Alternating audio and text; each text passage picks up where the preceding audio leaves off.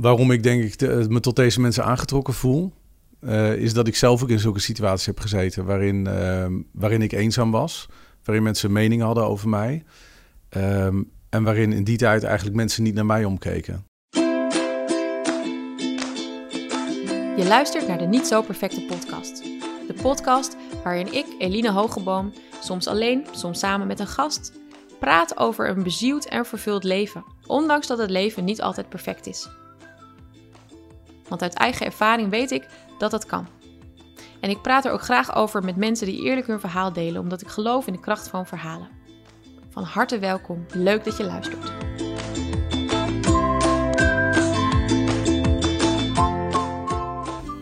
Mijn gast is Wim Hoddebach, spreker en oprichter van Stichting Presence. Het doel van Presence is Gods aanwezigheid zichtbaar maken op plekken van invloed in ons land. Dat gebeurde bijvoorbeeld in juli, toen er met een grote groep mensen gezongen en gebeden werd voor ons land op het Malieveld. Wim is getrouwd met Gea en samen hebben ze drie kinderen, Merle, Lente en Tije. En Wim is 42 jaar. Welkom Wim, Dankjewel Eline. wat leuk dat je er bent. Ja, leuk om bij je te zijn. Ja, van harte welkom. dankjewel. Nou, zoals je misschien weet, ik begin deze podcast eerst met een perfectly imperfect verhaal. Ja. Mag van alles zijn. Kun jij eh, een voorbeeld noemen? Je begint al te lachen, ik ben heel benieuwd. Ja, ik zit, dat, dat onderwerp past helemaal bij mij. Dus, ik, eh, dus ik, ik zit dan meteen te kijken uit welk van de vele verhalen ga ik Mhm. putten. Ja, bijvoorbeeld een verhaal van wat verder weg is dat... ehm, ik ben ooit bij de Vierde Musketeer directeur geweest. En in die tijd, eh, dus dat is een verhaal dat wat verder weg ligt. 2015, 16 was dat 2015, een beetje, 16 ongeveer, ja.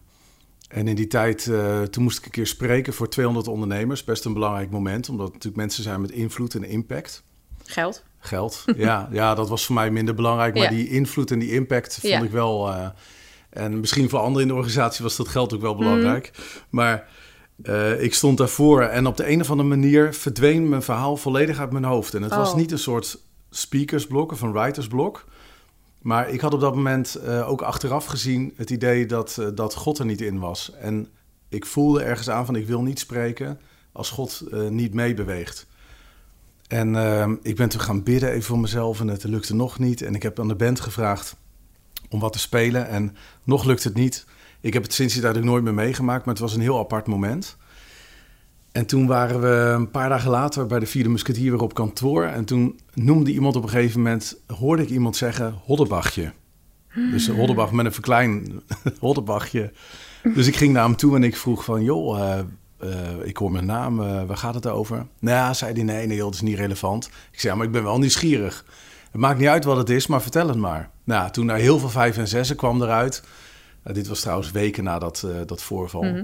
Nou, heel veel vijf en zessen kwam eruit. En toen zei hij van... Ja, als, als iemand echt een hele cruciale blunder maakt... noemen we dat hier een hoddebachje.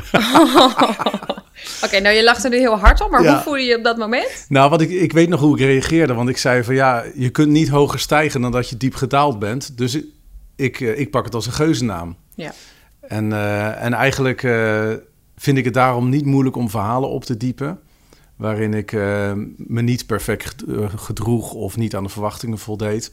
Omdat het mij de hele dag gebeurt. eh, Ja. Dat ik niet aan verwachtingen voldoe. Ja, precies. Nog heel even naar dat moment, want wat heb je uiteindelijk gedaan? Heb- Is er toch nog iets gekomen? Ben je van het podium gegaan? Hoe, wat heb je gedaan? Nou, ik had mijn speech in mijn achterzak. Ja, Dus ik had hem kunnen pakken. Maar ik sprak toen over Elisa, die op een gegeven moment aan de Israëlieten vraagt om geulen te graven in, in het dal. Ja. Zodat Gods water er doorheen kon stromen. En ik had mijn geul dus gegraven. Mijn preek was, mijn toespraak was heel goed voorbereid, zoals Mhm. ik dat altijd deed. Ik had ervoor gebeden, ik had met God er naartoe geleefd. Maar het water stroomde er niet doorheen. Dus wat ik op dat moment gezegd heb tegen die ondernemers... van ja, eh, eigenlijk gebeurt op dit moment in mij wat ik had willen vertellen. ja. Dus Ja. de gul is gegraven, maar het lijkt alsof Gods water er niet doorheen stroomt. En ik denk dat het, eh, het is de preek die ik nooit gepreekt heb, maar waar ik wel de meeste reacties op heb Ja. gekregen.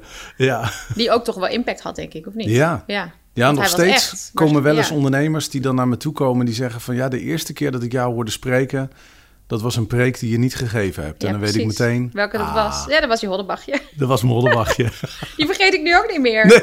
En aan de andere kant, Wim, ik bedoel, ik ben op sprekerstrainingen geweest waar video's van jou werden, la- hè, waar waar? ze laten zien, lieten zien van kijk, dit is hoe je spreekt. Dus dat Nou. is, is er ook, ja, absoluut. Heel bijzonder om te horen, Ja. dat wist ik niet. Nee, is echt zo. Bijzonder. Dus die kant is er ook. Ja. Ehm, maar ik ben, ik- ja, een van de redenen waarom ik jou hier wilde hebben, dat heb ik je ook gemaild. Ik mailde dat ook nog verkeerd. ik mailde aan jou, Wim. Ik wil je onder andere in mijn podcast, omdat jij, ik vind jou een van de leiders uit Christelijk Nederland die zich op een voetstuk liet zetten, heb ik gezegd. Ik was het woordje, cruciale woordje niet vergeten. Dat heb je volgens mij niet eens gezien. Gelukkig had je het dus positief geïnterpreteerd. Ja, Ik bedoelde, ehm, nou ja, hoe de manier waarop jij open dit verhaal eigenlijk ook, ook meteen deelt, waarop je over je eigen falen durft te praten, ehm, je ook echt wel kwetsbaar op kunt stellen. Daar, daar wil Mm. ik het ook nog wel over hebben. Eh, daarin vind ik jou echt wel anders dan veel christelijke leiders. Ja, ik noem je maar even een leider. Zo'n Ja. woord is dat zo. Dat ben je in mijn ogen. Daarin vind ik jou anders. Eh, ja, bescheiden. ehm, ja, ook wel echt wel nederig. En nederig is zo'n woord hè, wat er vaak gebruikt wordt van dienend leiderschap. En dan. Maar bij jou zie ik dat echt. Want ik ken jou helemaal niet zo heel goed. We hebben elkaar in het verleden wel gesproken. Ik zie jou dan op zo'n groot podium op het Malieveld. Maar dat zie ik echt aan jou. Mooi en, zeg. ehm, dat is ook wat ik, ja, waarom ik je daar ook, ja, dit podium ook wil geven, omdat ik geloof dat dat echt nodig is. Je ziet zoveel, ja, mensen die, die op een of andere manier zich op een voetstuk laten zetten, maar je ziet ook dat dat voor zoveel teleurstelling zorgt dat Ja. mensen daarvan afvallen. Nou, deze podcast gaat natuurlijk onder andere ook over mijn generatie. Jij hoort net niet meer bij, denk ik, met je 42. Ik nog net wel, sorry daarvoor. Eh, millennials. En wij zetten mensen vaak op een voetstuk, omdat we eh, vaak naar anderen kijken van, nou, die heeft het allemaal voor elkaar. En ja. ja, vaak dan zelf denken dat dat niet zo is. Ehm, nou, eh, ja, en ik vind dat jij, jij laat jezelf daar niet zo ophijsen. Nou, en mooi om te horen zeg. ehm, dat vind ik krachtig aan jou. Nou, dat had ik niet verwacht om dit allemaal ja, te horen. Maar nee, maar is wel mooi. zo. Ja, ik doe gewoon even een beetje Matthijs van Nieuwkerk. Die deed het Ja. met zijn gasten aan tafel. Ja, dat klopt. Maar ik meen het, ik meen het echt. Oké, aan Ja, tafel. Hey, aan tafel. We gaan beginnen. Ehm, waar ik wel benieuwd naar ben, en mi- misschien meteen ook wel daar even eh, daarover. Want jij hebt al een heel proces eh, gelopen. Jij had een goede baan, noemen we dat dan. Mm. Goed, is natuurlijk wat is goed, maar je verdient denk ik best wel geld. Zo, volgens mij kijken we daar dan zo naar. Je had het voor elkaar. Ja, eh, succesvol gezien, of hoe zeg je dat maatschappelijk gezien. Uh, maar ik heb gelezen in een interview dat jij elke zomer samen met Gea, je vrouw, eigenlijk weer even terug ging denken van ja, waar ben ik, hoe sta, waar staan we, waar willen we Ja. heen? En er was een zeker punt dat jullie zeiden, of jij zei, ik geloof niet dat ik helemaal aan het doen ben waar ik voor geroepen ben. ja. Kun je daar eens wat over vertellen? Hoe ging dat? Want ik heb bij jou altijd best het beeld dat jij echt wel krachtig staat in waar je voor geroepen bent. Maar dat is dus op een bepaald moment begonnen. Ja. ja, ik heb wel van heel jong al een roeping die ik ervaar op mijn leven.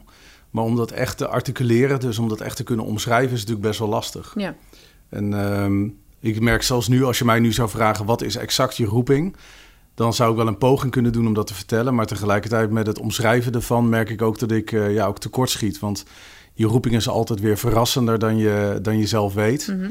En eh, dat geldt ook voor de mensen natuurlijk die dit horen van ja, als je je eigen persoonlijkheid omschrijft, ja, wat, wat zegt het precies? ja. En, eh, maar wat ik wel weet is dat ik van jongs af aan echt een hele scherpe focus, denk ik wel had, ook vanuit mijn opvoeding, op wat Jezus kon doen in je leven. Ehm, bepaalde onbeperktheid daar ook wel in, hoewel ik best wel klein ben opgevoed. Ik kom uit de vergadering van gelovigen, dat is een, eh, een beetje een conservatieve evangelische geloofsgemeenschap. En wat bedoel je dan met klein? Met bescheiden of zo? Ja, bescheiden, maar ook wel. eh, ik werd ook wel gevoed met. ehm, kijk, mijn ouders waren evangelist, zijn nog steeds evangelist in Limburg. En daar moet je niet gaan werken als je grote zalen wilt trekken. Nee. Dus één voor één leren mensen daar Jezus kennen. En eh, je moet trouw zijn in wat je doet, want anders hou je het niet vol. En dat waren dus de verhalen waarmee ik werd, eh, opgroeide. hè. Dus ik, ik, ik stond niet voor hele grote zalen. Ik was ook niet een hele grote kerk. Als wij naar de Eeuw Jongerendag wilden, dan stapte je in de trein en dan moest je twee uur rijden. Ja, dan was je een eind onderweg. Ja, dus dat was een beetje mijn leventje. Dus dat Ja. bedoel ik met klein. Ja. En ook wel de theologie waarin ik leefde was ook wel een theologie van... doe maar gewoon, dat doe je al gek genoeg. Hè. Wie meent te staan, eh ziet toe dat hij niet vallen. Mhm. En ehm, toen ik eigenlijk eh, ja, later ging, eh, ging, ging werken... eigenlijk begon het nog niet eens zozeer met mijn baan. We hadden een hele diepe liefde... G en ik hadden alle twee een hele diepe liefde voor de kerk. En we wisten dus, we willen iets gaan doen met de kerk.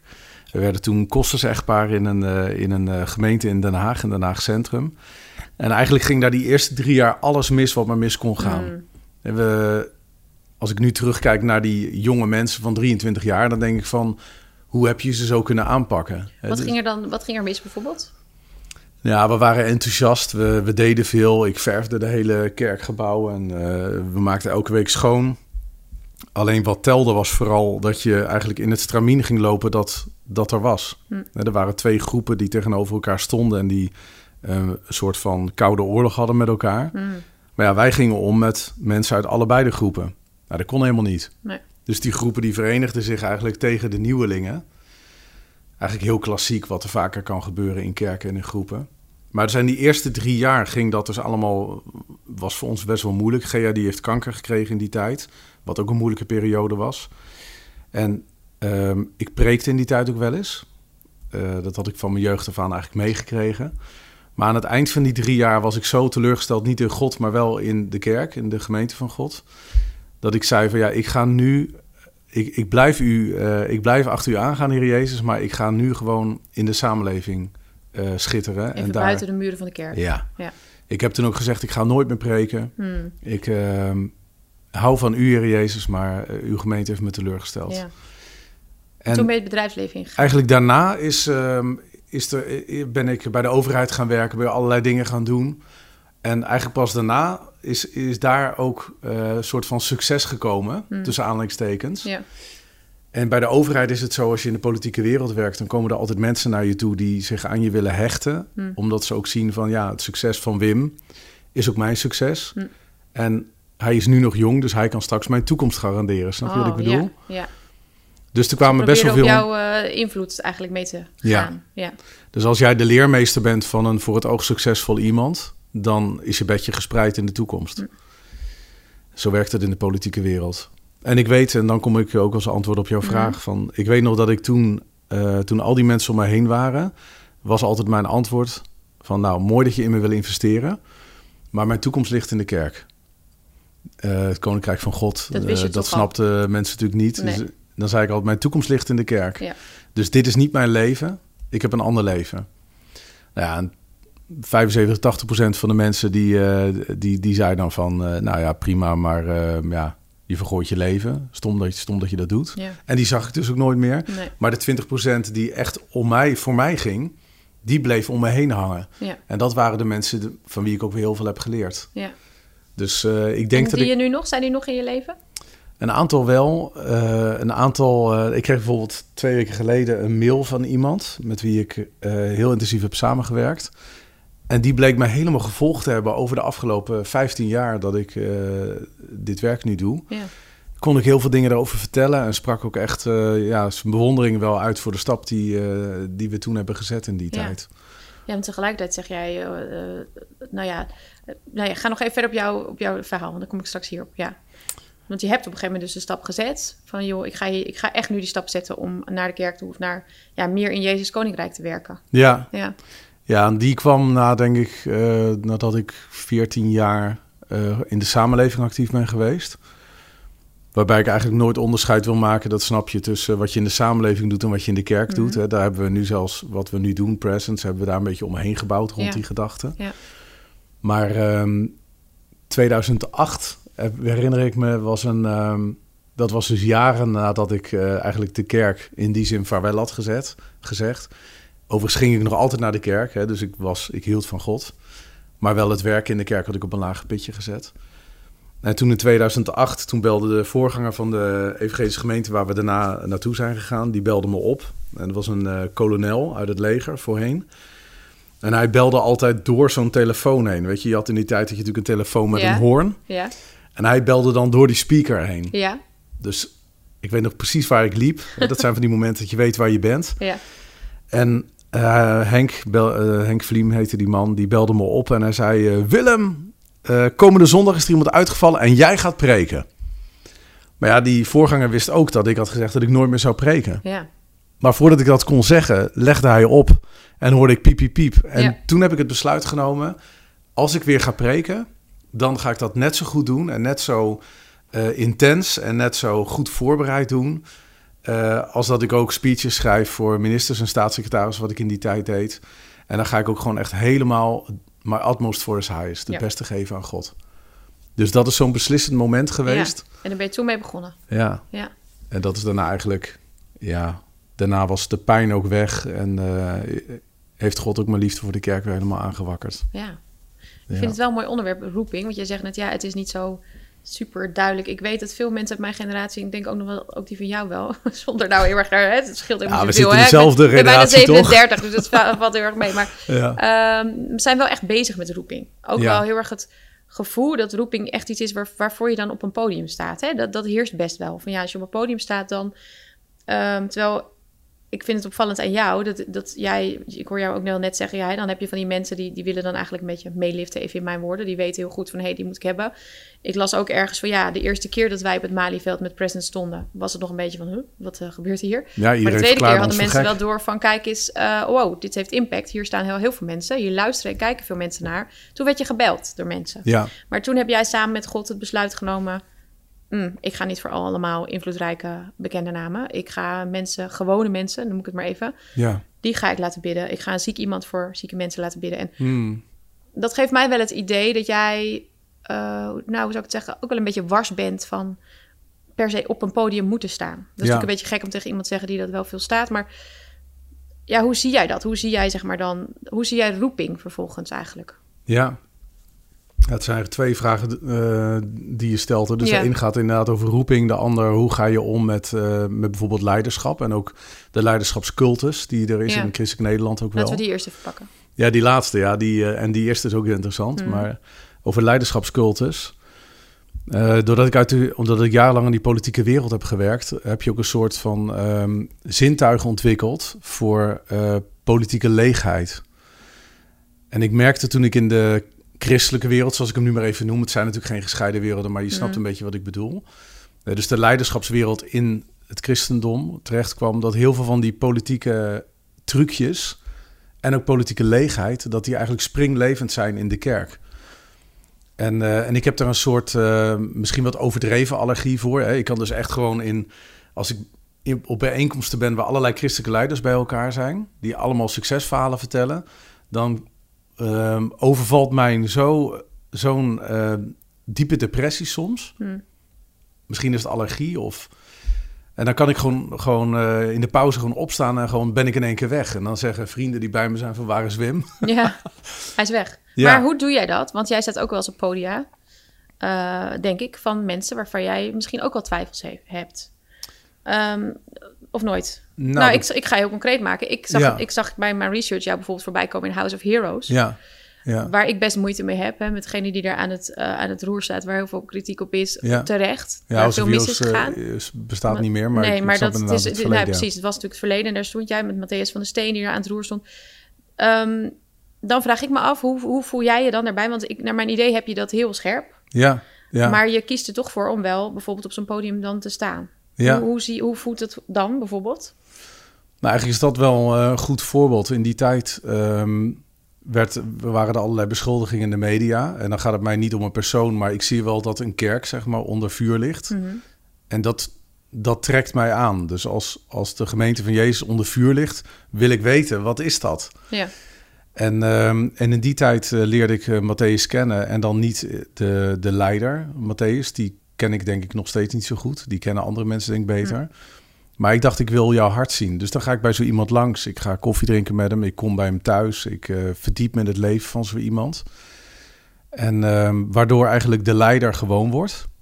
Waardoor de, de hele verering die er soms is rond leiders... en nu noem je Matthäus, maar zo heb je dat natuurlijk ook in de reformatorische wereld... Mhm.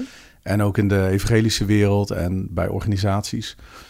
Dus wat ik eigenlijk standaard probeer te doen, is dat ik ehm, de leider als, ehm, als idee probeer te. Je probeert eigenlijk erachter te kijken. Ik probeer, ik probeer de mensen erachter te zien.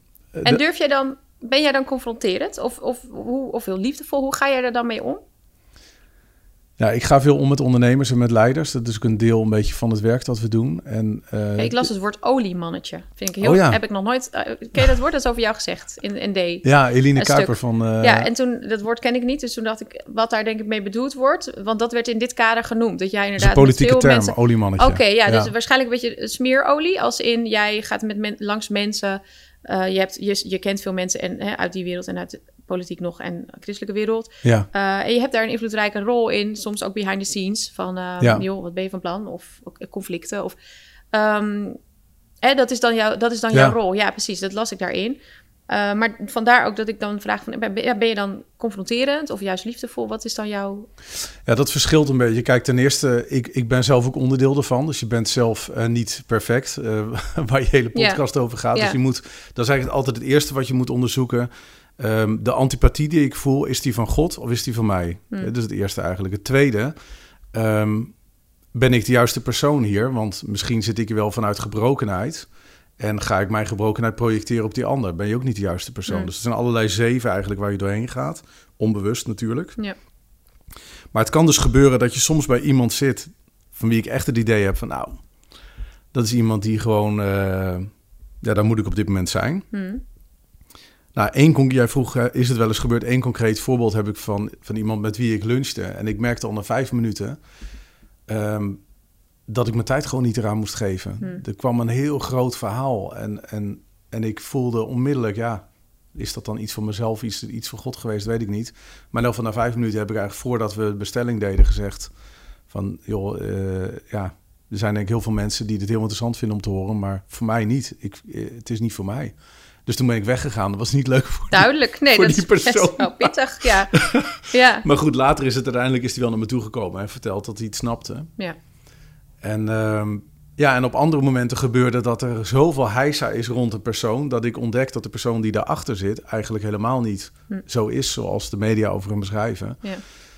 En, ehm, of in die bepaalde fase niet zo is. Want mensen zitten natuurlijk ook in verschillende fases. En wat wil jij daar dan brengen? Nou, wat ik, ehm, waarom ik denk ik de- me tot deze mensen aangetrokken voel, eh, is dat ik zelf ook in zulke situaties heb gezeten waarin, ehm, waarin ik eenzaam was, waarin mensen een mening hadden over mij. ehm, en waarin in die tijd eigenlijk mensen niet naar mij omkeken. Ja. Eh, dus de, de Bijbel zegt, je troost vaak anderen met de troost die je zelf hebt ontvangen. Ja, precies. Je voelt het. Ja, en ik weet nog in die periode dat ik dat meemaakte, eh, zo'n situatie waarin ik daar zelf doorheen ging. Toen was net de ehm, eh, voormalige directeur van, de, van Groot Nieuwsradio, die was net weg bij Groot Nieuwsradio. Dat is inmiddels allemaal achter de rug, dus daar kan ik over vertellen. Mm. En hij was ex-wethouder in Nunspeet en ik had hem in mijn politieke leven leren kennen als wethouder. Later was hij directeur geworden van Groot Nieuwsradio. En ik reed toen op de snelweg en in één keer kwam de naam van die wethouder kwam in mijn gedachten. En ik begon voor hem te bidden. Dat is dan wat ik doe. Als ik een naam in gedachten krijg, ga ik bidden voor zo iemand. En dan vraag ik, heer, kunt u laten zien waarom ik deze naam in één keer in mijn hoofd krijg? En toen merkte ik dat ik langs een woonplaats reed van die man. Dus onmiddellijk knipperlichtje aan, naar die woonplaats toe gereden. En een beetje opgezocht van waar woont die persoon. Uiteindelijk kwam ik daarachter en aangebeld. Ja, dat vraagt natuurlijk wel om wat moed. Lef, dat wordt gewoon weer helemaal op. Ja.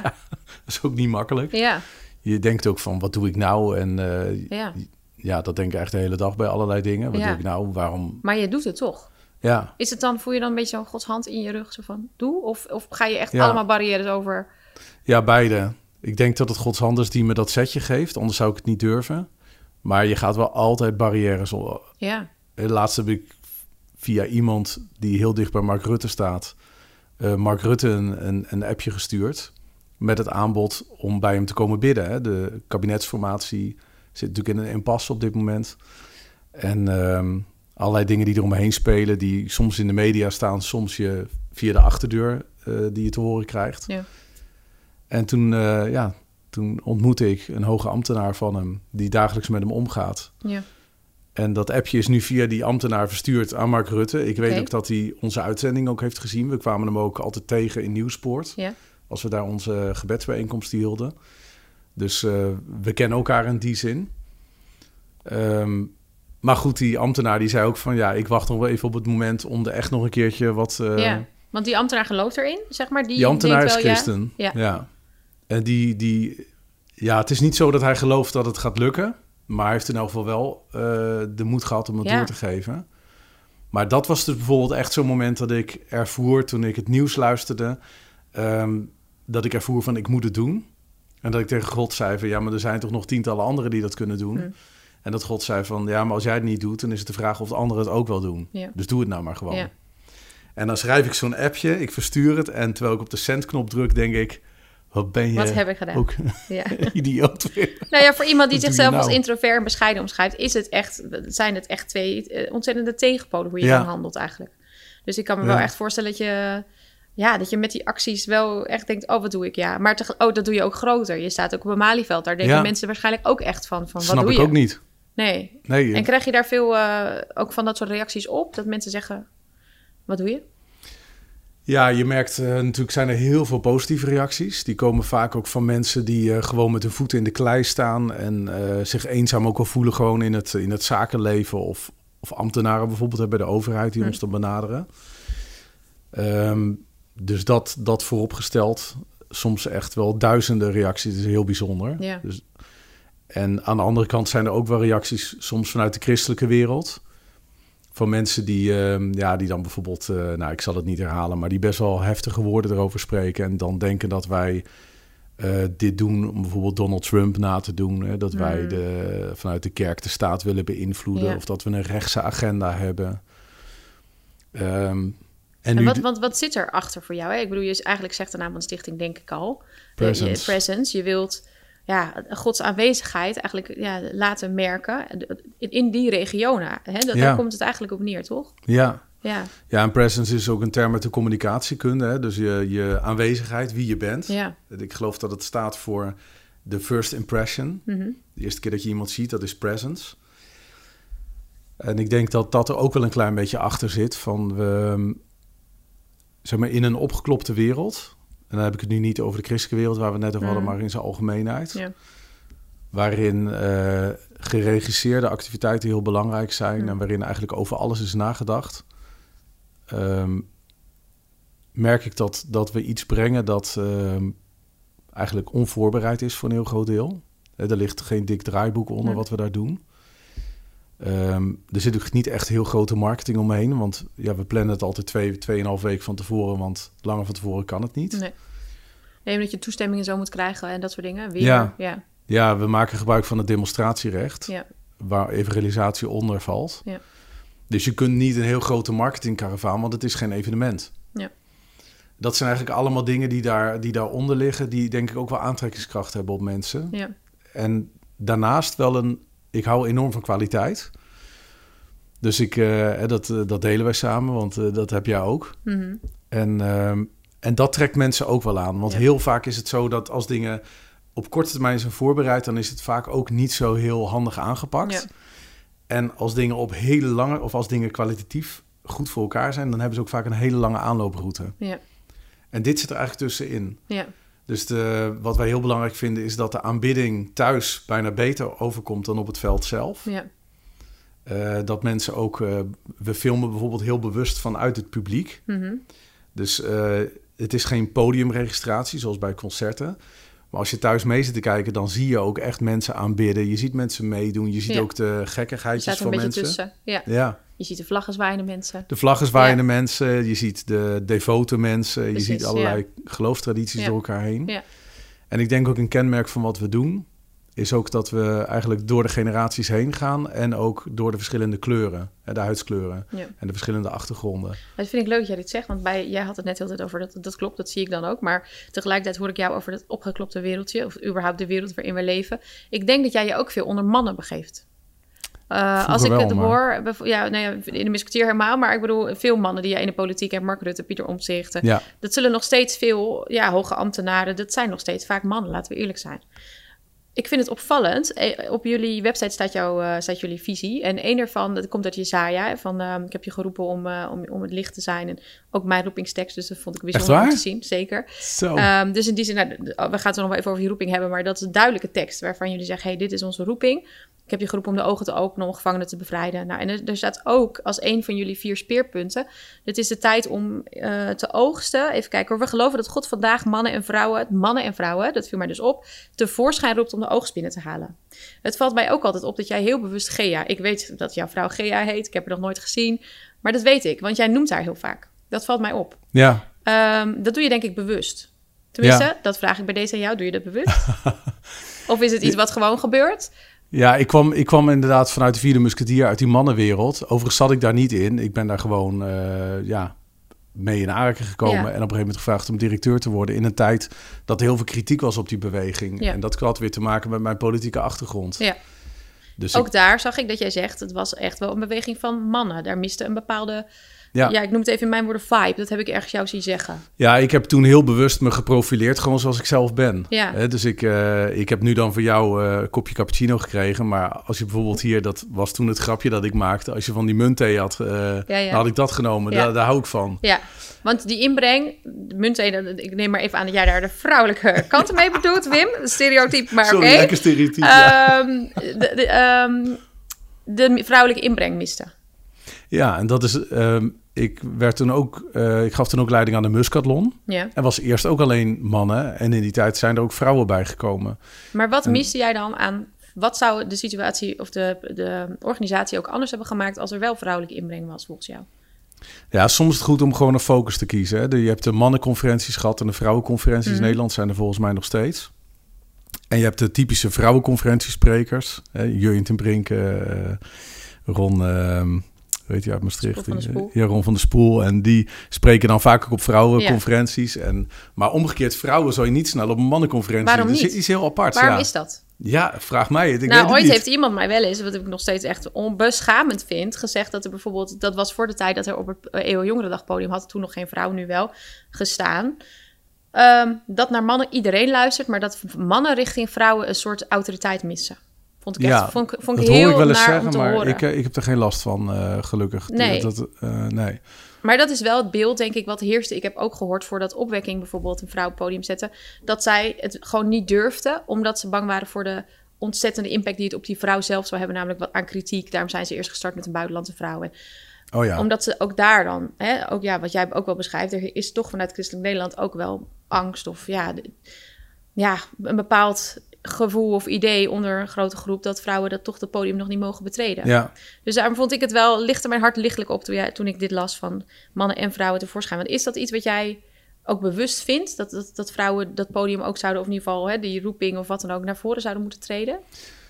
Ehm, ja, we hebben, en dat is ook bij minderheden, bij, bij huidskleur, bij, we hebben daar niet echt een roeping voor. We hebben ook niet een roeping voor eenheid. Soms denken mensen dat, hè, van jullie hebben een roeping voor eenheid, zeggen mensen dan. Maar wat wij hebben is een focus op Jezus en op de drie enige God. En van daaruit geloof ik dat mensen heelheid ontvangen. Dus als je niet afgeleid wordt door agendas van de wereld, maar je focust op God, dan kan het volgens mij niet anders dan dat je op een gegeven moment ook allerlei bevolkingsgroepen verenigt. Dat man en vrouw samen tot bloei komen. Ehm, alleen we, hebben dus niet, daar niet een agenda op of zo. Ik, eh, kijk, bijvoorbeeld een van de dingen die eh, bij ons op de website, ik dacht dat je daarover zou beginnen. Hm. Daar staat namelijk rechts mijn foto Ja. en niet Gea. Nee, ik miste haar op de website. Ja. Want ik weet inderdaad niet hoe ze eruit ziet, maar jij noemt haar wel vaak. Ja. En is dat bewust? Nou, dat, dat is niet bewust van mij, maar dat Nee. is bewust van Gea. Ja, die houdt waarschijnlijk niet. Nee, Gea heeft, er een. Gea heeft er een hekel aan. eh, toen wij dit werk gingen doen, toen zei ze van... Ik, we, we doen dit helemaal samen. Ja. En het is onze gezamenlijke roeping. Maar één ding zal ik nooit doen. Zo'n gezalfde leidersfoto... waarin ik zeg maar mijn hand op jouw borst vlijt en omhoog Ja, ja. kijk. Je En dan zo'n zonnestraal die op jullie te, terecht komt. Daar zie je hem wel voor me nu. Je kent wel dat soort foto's. ja, maar Gea staat ook niet op het podium, toch? Op het Malieveld? Of Nee. wel? Nee. Nee, Gea die heeft altijd als HRM-adviseur gewerkt bij de, bij de overheid. En eh, dat was ook gewoon wie zij is. Gea is eh, in- introvert, zeg maar buiten, naar buiten toe. Hm. Naar binnen toe niet overigens, maar... En ehm, zij was voorzitter van de studentenvereniging toen ik haar leerde kennen... om maar wat te noemen, als geïnformeerde gemeentemeisje. Voorzitter van Ichtus, van de Evangelische Vereniging. Zij hield speeches voordat ik sprak. Alleen op een gegeven moment heeft ze gewoon gezegd van... nou, ik vind het gewoon goed zo. Dus er komen ook allerlei vrouwen altijd naar haar toe... die over haar profiteren. Dat ze met vliegtuigen over de wereld zal vliegen. en, dat, ze- en dan zegt Gea gewoon heel vriendelijk tegen mij... Maar ja, elke profetie zegt meer over het verlangen van degene die het uitspreekt Mm. vaak... Ja, dan dat het ook over mij gaat. ja. En ehm dus Gea heeft ervoor gekozen om in deze periode... om te doen wat ze nu doet. Ja, Sommigen zullen zeggen achter de schermen... maar Mhm. zo ziet Gea dat niet. nee. Ehm, Samen, maar ja, nou misschien heeft dat ook weer te maken met het, want dat vind ik wel mooi aan wat ik zowel uit haar verhaal nu hoor als van jouw verhaal. Dat je het beide heel duidelijk een roeping ervaart, maar toch ook goed weet, eh, ik doe, we doen het op deze manier. Ja. En dat het ook, nou dat zij ook wel echt vasthoudt aan, aan wie ze is. Ik vind het ook wel mooi dat je zegt over die profetie, ja dat kan, maar ik doe het nu zo. Ehm, en bij jou hoor ik, dat, hoor ik dat eigenlijk ook wel terug. Want jij gaat eigenlijk vanuit je roeping toch wel heel duidelijk... ja, toon je dat lef en toon je dat... Hmm. ehm, ja, ga je, zet je toch stappen die waarschijnlijk toch echt eng voelen. En kun je daar nog... ehm, want daar ben ik wel benieuwd naar. Want jij bent natuurlijk... Je bent behoorlijk... Dat noemde jij net al. van Je hebt een fase gehad waarin je het heel moeilijk had. Je bent heel burn-out geweest. Ja, Volgens mij was dat vlak na de eh, vierde musketier of ja dat was na de vierde musketier inderdaad. Ja. Eigenlijk eh, ehm, een beetje overlappend, zeg maar, aan het einde daarvan. Dus door een aantal dingen die gebeurd waren, die nu allemaal opgelost zijn... Mhm. eh, kwam ik in die fase terecht van burn-out. Ja, en dat hebben we echt samen doorgemaakt. Dus, Ja. het, eh, de- dus in die zin is het... Dus ik denk dat bij ons, om daar nog even op terug te komen... dat het niet zozeer heeft te maken met het soort klassieke man-vrouw schisma... Mhm. dat vaak geschetst wordt. Ik ben bijvoorbeeld ook heel benieuwd hoe jouw, wie jouw man is. Ja, Dus, dus ik zie jou Ja. en, ik, en jij hebt je bediening, je hebt je bedrijf... en dat zullen jullie, hè, sinds jullie getrouwd zijn... zullen jullie daar samen ook gewoon dingen in doen. Samen over nadenken. En, Ja. Maar hij heeft gewoon zijn eigen leven... ja. want hij is getrouwd met jou. En is wars van social media en dat soort dingen. Nou, dus, zie je. eh, ja, maar... en dat heeft Gea dacht- dus ook. Dus. Gea- dus afgelopen week waren wij in Frankrijk en bij vrienden van ons. En die vriendin van ons die maakte een selfie. Ja, Vindt Gea prima. Maar het eerste wat ze dan zegt van...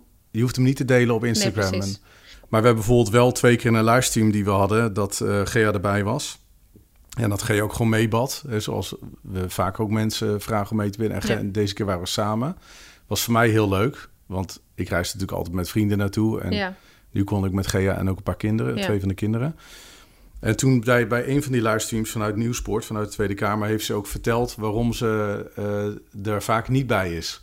En daar krijgen we dan inderdaad wel heel veel reactie op. Oh ja. Want Gea vertelde toen van ja, het werk dat we doen, daar is ook altijd strijd omheen. Want je Mhm. bevindt je wel in een omgeving die anders is dan, eh, dan de kerk, zeg maar. ja. En ze zeggen van ja, als, als er zoveel strijd is, dan wil ik graag bij de kinderen zijn, want daar, Mm. dat, dat is de battleground. ja.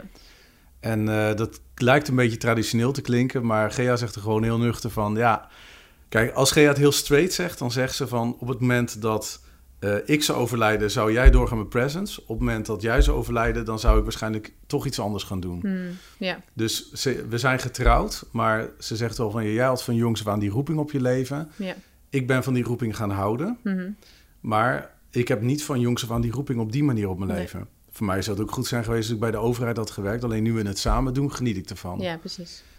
En bij jullie is dat misschien op een andere manier. Hè? Dat eh, Johannes inderdaad een baan heeft waarschijnlijk Ja. en gewoon andere Johannes dingen is veearts, dus dat, dat, Ja. die begeeft zich in een compleet... waar heeft bijvoorbeeld wel op een van de eerste bellendagen... waar, waar hij mee ging eh, de nagels van meisjes te lakken. Dat dat gewoon, Oh ja. ja. hij ging mee als enige man, stond en dan te midden van al die evenementen met vrouwen. En ja, dat was, dat was altijd heel erg leuk. Maar Johannes is gewoon super praktisch. Dus die ondersteunt mij heel praktisch. En heel erg... Ja, nou ja, op het praktische. Dus als ik een hele drukke week heb gehad... door mij dan te stimuleren op tijd naar bed te gaan... of in te pakken met 200 boeken die moeten verstuurd. Of eh, zo. Maar ook zeker geestelijk door... Eh, ik heb ook echt wel eens op een evenement gestaan... Dat ik, waar hij bij was. En waar ik echt het podium niet, bijna niet op kon... omdat ik heel erg me niet goed voelde bij hoe dat daar ging. Ehm, nou ja, dan, dan baden we ook samen, snap je? Dus dat, dat is er zeker ook. Maar eh, ja, ik, ik ben meer degene die, waar, die echt deze roeping heeft. Maar dat is ook helemaal, ja, dat is ook helemaal goed. Ja, Als je dat samen maar, maar weet, ja. ja Maar dus ik denk ja. voor, de, voor degene die luisteren, want het gaat natuurlijk nu over ons. Ja, Maar ehm, is, de, is het ook gewoon, iedere, ieder mens krijgt een eigen roeping. ja, En soms kunnen die roepingen samenkomen.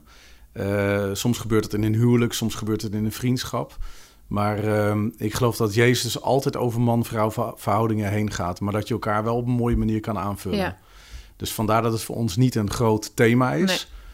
Ehm, maar eh, we, los daarvan zie ik natuurlijk wel dat in de christenheid het potentieel dat de vrouw heeft, altijd Ja. is weggestopt. Ja. En dat komt niet door de vrouw, dat komt door de ja, mannen. Ja, En dat is, eh, daarmee doet de kerk zich heel erg eh, tekort. Want menig eh, kerkraadsvergadering zou een stuk beter lopen, verlopen. als denk er gewoon een vrouw aan de... ja, absoluut. Nou, dat Dus, zegt Johannes eh, wel eens, want die zit in de kerkraad en er zitten ook vrouwen in.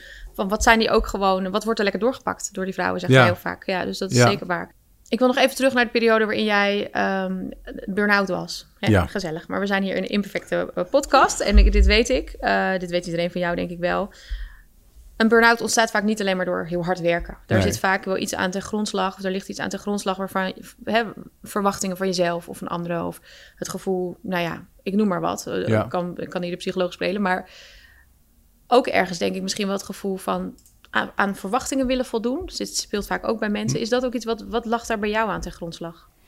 Bij mij uh, een van de dingen die ik uh, heb kunnen achterhalen, want je gaat, uh, dat raad ik ook iedereen aan, je gaat naar een psycholoog toe. Om, een vrouwelijke heb jij gekozen. Een vrouwelijke. Ik even geen mannen meer heb ja, gelezen. Ja, ja. en was het goed? Was heel goed, ja. ja.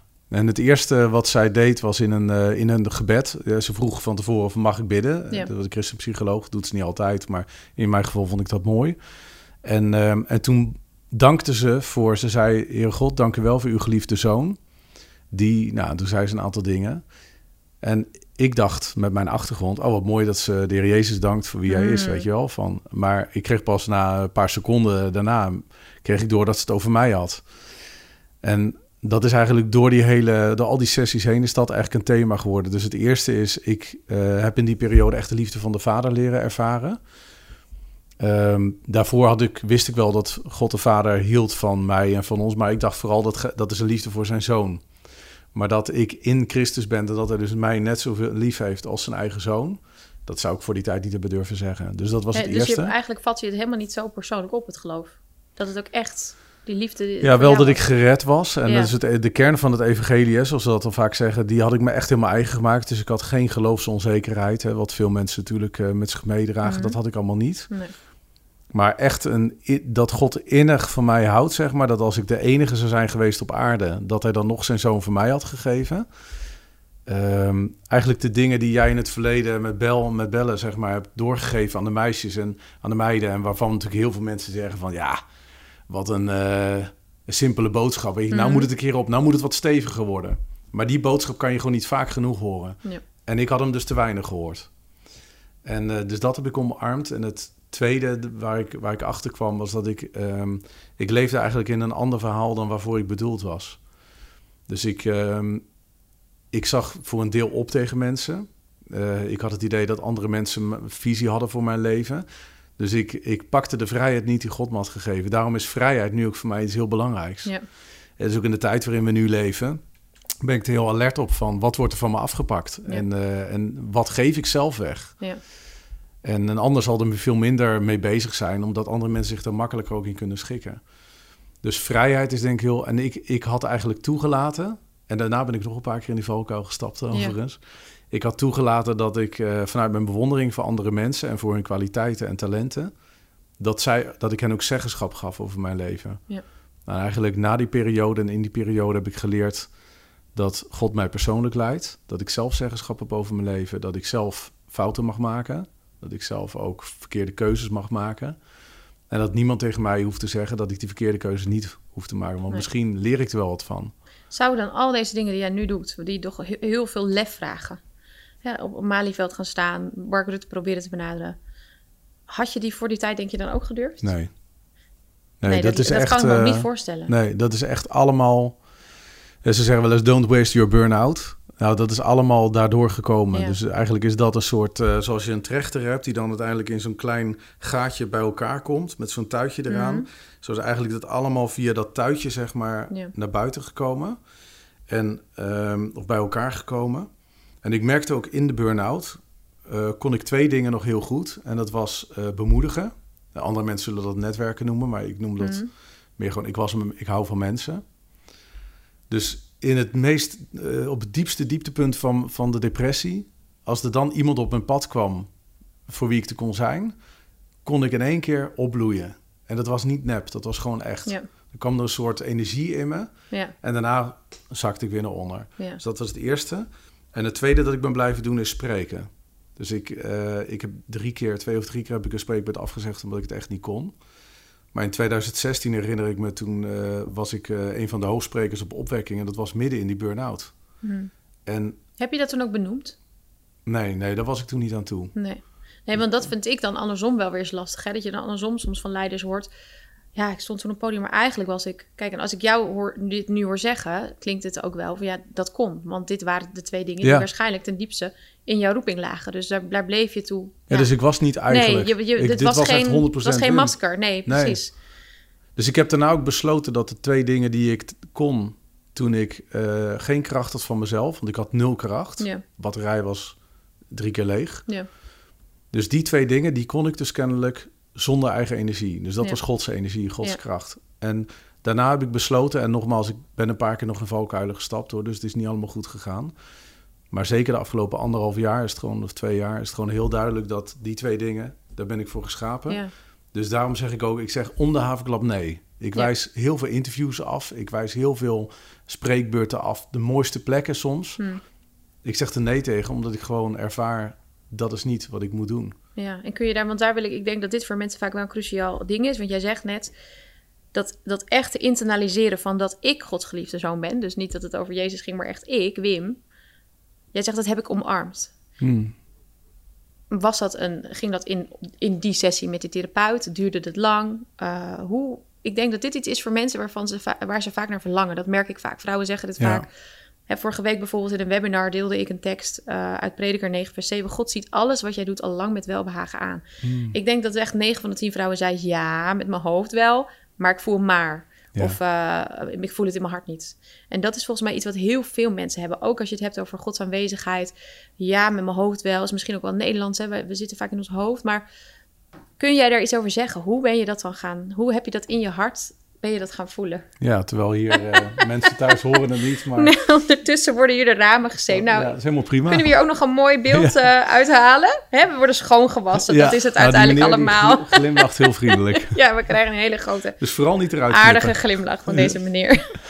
Maar ehm, ja, goede vraag, eh, Eline. Want ehm, eh, dat is wel het gevaar als het gaat om, om dit soort teksten en, ter- en termen ook. Dat het vaak toch wel blijft bij eh, delen van mooie Facebook-teksten. Mhm. Maar eh ja, het je echt geliefd weten, eh, juist ook in de stormen van het leven, dat is iets, ja, dat noemen ze wel existentieel. Hè? Dus dat het echt landt in je binnenste. En bij mij was het inderdaad, ik denk dat de, het verlangen zeg maar, werd opgewekt in die sessies. En ook gewoon wat ik thuis natuurlijk meemaakte, de liefde die ik ook gewoon zag van Gea en de kinderen die ik op dat moment helemaal niet kon omarmen. Mm. Mijn lichaam was eigenlijk bijna gehandicapt. Hè? Je, je kon je niet bewegen om bepaalde dingen te doen, heel apart.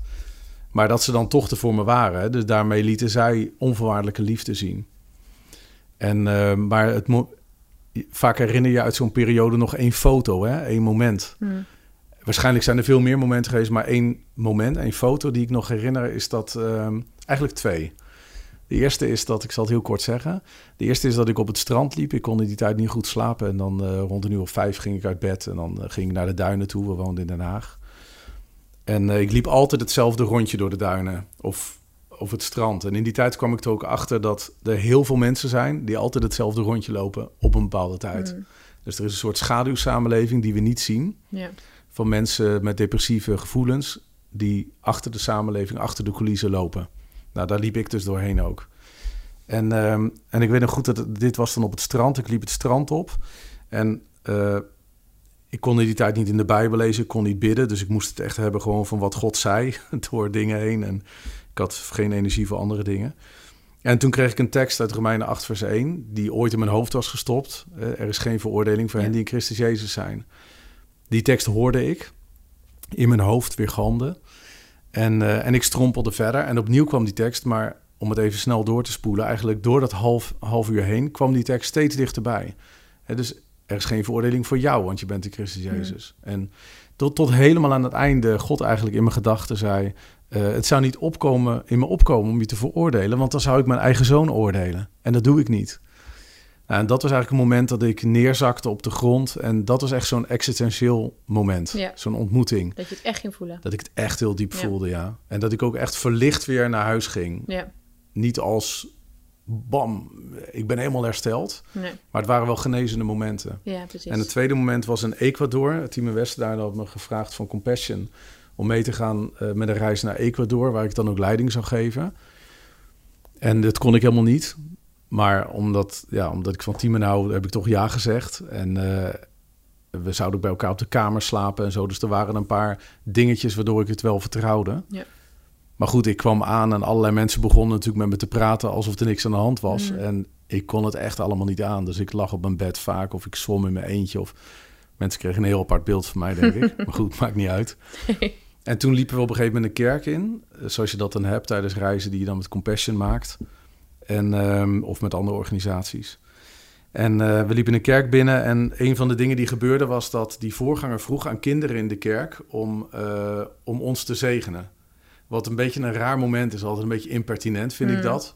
Want het zijn gewoon kinderen die in de kerk zitten en die moeten dan naar al die Die gek of witte mannen en vrouwen gaan en dan zegenen. Ja. Ja, eigenlijk, eigenlijk klopt het niet helemaal, maar het maakt niet uit. Maar wat er gebeurde was wel mooi. En er kwam toen een meisje naar me toe, een Ecuadoriaans meisje, en die ging ook nog op mijn schoot zitten. Wat dus eigenlijk ook heel... Nou, Nee. als we dat even Ja. eraf halen Ja. en even naar, kijken naar het moment. Ja, wat je bedoelt, de grenzen worden altijd goed gerespecteerd in dat soort eh, situaties meestal. Ja, Ja, dus dat is eigenlijk een beetje apart dat dat. Maar ze nestelde zich echt tegen me aan, zeg maar. En eh, ze legde op een gegeven moment de hand zo op mijn, op mijn kruin, op mijn Mm. hoofd. En begon in vlug Spaans een gebed te bidden. En, ehm, en toen daarna zat ze nog... En, maar eigenlijk die omhelzing van dat kind... Hm. Ehm, dat is, eh, ja, da- daar zou ik nu nog, dat ik kies ervoor om dat nu niet te doen, maar daar zou ik nu nog voor over geëmotioneerd kunnen worden. Ja. Ehm, maar dat, eh, dat was heel helend voor me. Maar ik heb dat eigenlijk pas achteraf beseft. Ja. Want ik liep die kerk uit. En op het moment dat ik die kerk uitliep, eh, wist ik in mijn hoofd en ik denk ook in mijn hart, ik ben genezen. En ik heb dit vaak ook later aan mensen verteld van, je kunt ervaren dat je genezen bent, maar daarna komt er natuurlijk nog een jaar van herstel achteraan. Alleen ik heb wel echt ervaren op dat moment, dat was een genezingsmoment. Ja. En het herstel was daarna nog lang en ja, diep. precies. Dat gaat ook samen op. Je en therapie en genezingen en Gods, Gods genade die je mag voelen af en toe. En ja, in zo'n proces zijn het allemaal dingen die samen een soort puzzelstukjes vormen naar een nieuw, ja, een nieuw Ja. herstel, maar ook wel bijna een nieuwe identiteit eigenlijk, als ik, als ik het hoor. Hè? Nieuwe, ja. Ja, je bevestiging niet meer van mensen halen, maar vooral eigenlijk uit, uit Gods liefde. ja, misschien wel het strand, hè, de wijsheid en het kind. Ja. Hè, ook het kind in jou. Ja, Nee, ik denk ook van, ja, ik zit ook altijd, terwijl ik dit vertel natuurlijk, je bent spreker, dus je zit ook met je hoofd bij luisteraars. ja, Van, ehm, eh, ik, ik denk dat voor mensen die op dit moment in zo'n situatie zitten, dat je ook gewoon, terwijl je dit hoort, ook gewoon kunt zeggen van, eh, ja, ik hoor Wim dat vertellen. Hm. Ehm, ik zou het ook wel mee willen maken. En dat je ook gewoon eigenlijk tegen God kan zeggen van, ja, ge- geeft u mij in de situatie waarin ik nu zit ook maar gewoon zo'n ervaring. ja, Vergelijkbaar of iets anders. ja. Want ik wil het niet alleen maar houden bij woorden of bij Mhm. Facebook teksten, maar ik wil het echt heel diep ervaren. ja. Ja, ik denk dat je dat verlangen inderdaad goed mag uitspreken. Ja, dat is goed dat je dat zegt. Ja. Ik wil afsluiten met, jij had het net over, ja, je hebt soms van die foto's, van die dingen die dan blijven hangen. Eén foto van jou raakte mij laatst wel. Eh, jij deelde op het Malieveld en daar stond je met je vader. Hmm. Mooie foto van jullie, eh, ja, waarin hij erbij was en jou omhelste. En, eh, of in ieder geval jou vast had op een of andere manier. En ja, die raakte mij ook. En toen Hmm. dacht ik, oh, wat mooi dat je, ondanks dat je ja, dan, dan je godszoon voelt en volwassen bent en groot bent en je eigen gezin hebt en dit soort grote dingen doet, dat die omhelzing dan je heel veel doet. Ja. En ja. wat is dat bij jou? Wat, wat brengt dat jou? Zo'n Nou, mooi dat je dat eh, naar voren haalt. Kijk, mijn ouders die komen dus eh, uit de vergadering van gelovigen. En eh, ik vind het altijd heel moedig dat zij onze roeping eigenlijk omarmen. Hmm. Omdat wij andere dingen doen dan zij altijd gedaan hebben. En ons ook best wel breed in de christenheid begeven. Dus toen ik op opwekking sprak destijds, waren mijn ouders erbij. Maar ze vonden het allemaal nog best wel lastig. Weet je, dus dat zijn allemaal... Met je ouders ga je ook door processen heen. Ja. Ehm, ik herinner me gesprekken die ik had over spreken in tongen en dat soort dingen allemaal. Waar ik helemaal niet per se een hele grote prediker in ben of zo. Maar wat gewoon op een gegeven moment gebeurde. En er waren best wel lastige gesprekken soms. Terwijl we helemaal niet zo geslepen zijn of met ge- getrokken zwaard of zo. Maar het zijn niet zulke prettige gesprekken altijd. Mhm. En dit was heel bijzonder dat eigenlijk nu op het Malieveld in één keer ons hele gezin. We hebben acht, mijn ouders hebben acht kinderen met mij erbij. Met eh, een aantal ook met partners. En, ehm, en die, ja, die zaten bijna allemaal daar eigenlijk op een soort veldje op het Malieveld. Dat was al heel bijzonder. Van tevoren kwam mijn vader naar me toe om voor me te bidden. Dat doet hij wel op afstand. Maar dit was voor mij een heel bijzonder moment dat hij dat op zo'n cruciaal moment deed. Ja. En de volgende ochtend werd ik wakker en toen had ik van de fotograaf eh, echt een ontzettend grote hoeveelheid foto's gekregen, die allemaal even mooi waren. waren. En eh, ik dacht van, eh, ik zat de foto's door te scrollen op de hotelkamer waar we zaten met het gezin. En, ehm, en ik dacht van ja, al deze foto's geven een indruk van een heel groot massa-event. Van, een, van, van iets dat echt indruk wekt. Ik zag ook de cijfers van YouTube. Hè. Er waren, het is inmiddels 200.000 keer bekeken en toen ging het ook al gigantisch. Ik dacht van ja, maar dat is helemaal niet wat ik eh, wil laten zien. Daar voel ik me eigenlijk heel eenzaam in. En toen kreeg ik dus van mijn broer, stuurde mij eigenlijk dat fotootje van mijn vader en mij. En in één keer dacht ik van ja, dit is eigenlijk wat ik heb ervaren op het Malieveld. Hm. De week daarvoor had ik er ook gestaan. Toen was het helemaal leeg, toen was het druilerig. Voelde ik me heel eenzaam. Hm. En nu had ik daar gewoon met mijn vader gestaan. Dus dat was eigenlijk, eh, die twee dingen kwamen samen. Dus de liefde van ouders die altijd trouw zijn geweest, zonder heel onstuimig te zijn. Altijd bij hebben gestaan, eh, ook gif te geven aan presents, wat helemaal niet hoeft. Maar Mm. wat ze doen, wat natuurlijk bijzonder is. En tegelijkertijd dat enorme massagevoel dat er die avond was geweest, maar dat totaal niet eh, verpersoonlijkte eigenlijk wat er echt was gebeurd. Wat er echt was gebeurd was een hemelse vader die gewoon zijn kinderen een aanraking had gegeven. Dat was ook wat mensen hadden ervaren. Ja. Ja, nu vertel ik hierover, maar dat is eigenlijk meer terugkijkend wat ik toen Ja. ervoer. Ja. Dus ik vond Mooi. het heel bijzonder. Volgens Ja. mij op die ene foto, we gaan niet voor de likes, jij ook niet. Aha. Maar wat ik echt bijzonder vond, was dat ik eh, zag dat op die ene foto meer reacties zijn gekomen dan op al onze Ik geloof het meteen. bij elkaar. Het persoonlijke. Ja, ja, ja. ja. dat is toch wat aanspreekt. Maar ik denk ook wel, ik bedoel, lees elk groot interview. Hè, bijvoorbeeld, eh, ik lees elke zaterdag het grote interview in de Volkskrant. Oh ja. Eigenlijk altijd gaat het wel over de rol van vader en moeder. Omdat dat zo bepalend is voor Hmm. ja, je eigen waarde of je, weet je wel. En ehm, nou, in jouw geval eh, hoor ik en dat uiteindelijk ja, de rol van je hemelse vader gewoon het allerbelangrijkste is. Dat die zegt, Gods geliefde zoon, maar dat ook je aardse vader en moeder zo... Ja, dat herken ik ook. Dat is zo, zo fijn als die zo achter je roeping staan Mm. of je motiveren, trots op je zijn. Ja, dus dat, dat herken ik zeker. En eh, ik denk dus dat daar alle likes ook vandaan komen... dat gewoon heel veel mensen dat herkennen. Dat uiteindelijk, Mm. je, hoe volwassen je ook bent... het zo fijn is als op een of andere manier je ouders wel ja, betrokken zijn bij je leven... of daar eh, blij mee zijn. Ja. ja. Mooi. Dankjewel, Wim. Ja. Ik eh, vraag aan het eind altijd nog één. Wat is nou een, een praktische levensles die jij hebt... Nou, we hebben er eigenlijk al best wel veel gehoord... maar toch, noem er nog eens één die jou heeft geleerd... om om te gaan met het, ja, met het niet-perfecte... met het lijden misschien wel in het leven. Wat, wat helpt jou daar nou heel concreet bij? Ehm, nou, ik hou een lijstje bij van eh, allemaal lessen die ik leer in het leven. En eh het is altijd een heel fijn lijstje, want soms dan word je gevraagd om ergens te spreken en dan kan ik gewoon iets laten oppoppen. En eigenlijk eh, een van die lessen, maar ik weet niet, ik weet niet of dat echt precies is, een antwoord is op de vraag die je stelt, maar het was al één les die onmiddellijk bij me boven kwam toen je het woord les noemde. Mhm. Dat is, ehm daar heb ik ooit opgeschreven, niet, eh, niet aanvallen, maar aanvullen. En ehm, om dat toch even te herleiden of terug te brengen tot de vraag die jij stelt. Ehm, wat ik merk is dat we heel vaak geneigd zijn om eh, naar elkaar toe zeg maar, de verschillen te zien en een soort van competitive strategy te hebben. Dus in, in de businesswereld is het natuurlijk zo dat je concurrerend bent. En daar waar je concurrerend bent, daar ligt je kracht. Ik denk dat we in de christelijke wereld, dat we, daar is, onze God is natuurlijk een God van meer dan genoeg. Het is niet de schaarse markt.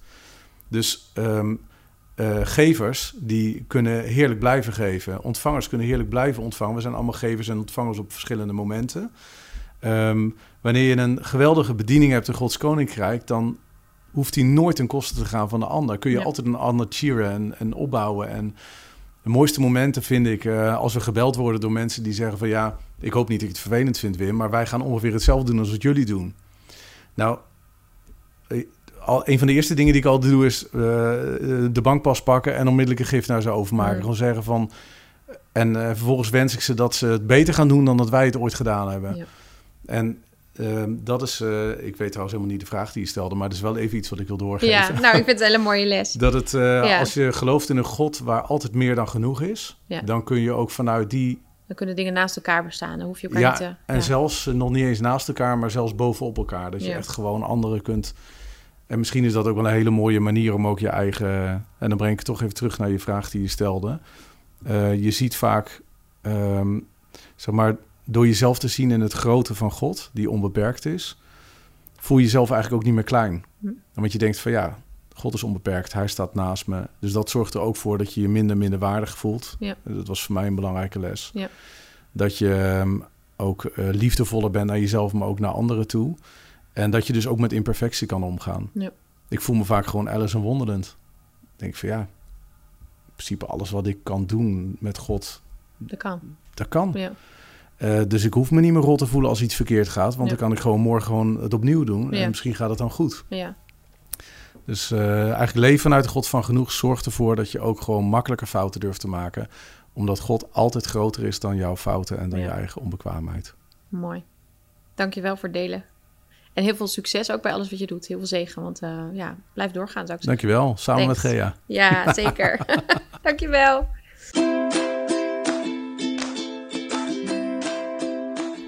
Wat onwijs leuk dat jij hebt geluisterd naar de Niet Zo Perfecte podcast. Ik hoop dat deze podcast je weer even een andere blik heeft gegeven op je imperfecties en je falen. Maar dat het je ook heeft geïnspireerd om te genieten van het leven. Misschien wil je wel verder lezen? Dan kun je bijvoorbeeld mijn boeken Not So Perfect of Filosofie lezen die ik heb geschreven over deze lessen. En wil je nog een slagje dieper gaan? Overweeg dan eens de Filosofie Academy. Dit is een intensief programma van drie maanden waarin ik je leer hoe je ermee omgaat als het leven niet zo loopt als je had gedacht. In 12 online modules ontdek je wat een bezield leven dicht bij jezelf en bij God inhoudt. In de Filosofie Academy ga je aan de hand van je levenshuis, met daarin de kamers werk, gezondheid, vrije tijd, relaties en delen aan de slag met jouw leven en maak je keuzes om nu eindelijk eens af te rekenen met het gevoel dat je het niet goed genoeg doet of niet genoeg bent.